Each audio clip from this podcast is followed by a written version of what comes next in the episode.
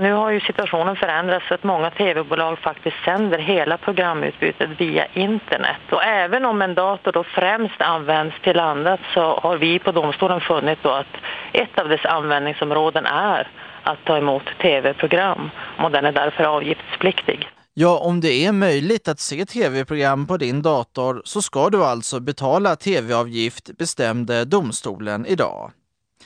Det är bolaget Radiotjänst som samlar in pengarna från tv-licenser. De pengarna går sen till Sveriges Television, Utbildningsradion och till oss här på Sveriges Radio. Radiotjänst har krävt att också de som saknar tv men har en dator måste betala tv-licens. Nu har 19 datorägare protesterat mot det. Därför har nu en domstol undersökt frågan och idag kom domstolen alltså fram till att du ska betala tv-licens även om du bara har en dator hemma och ingen vanlig tv. En av dem som inte gillar domen idag är Linnea de Oliveira i Göteborg. Man får ju hålla sig till, till det som har bestämts men eh, det är ju lite surt såklart om man inte använder den till just det.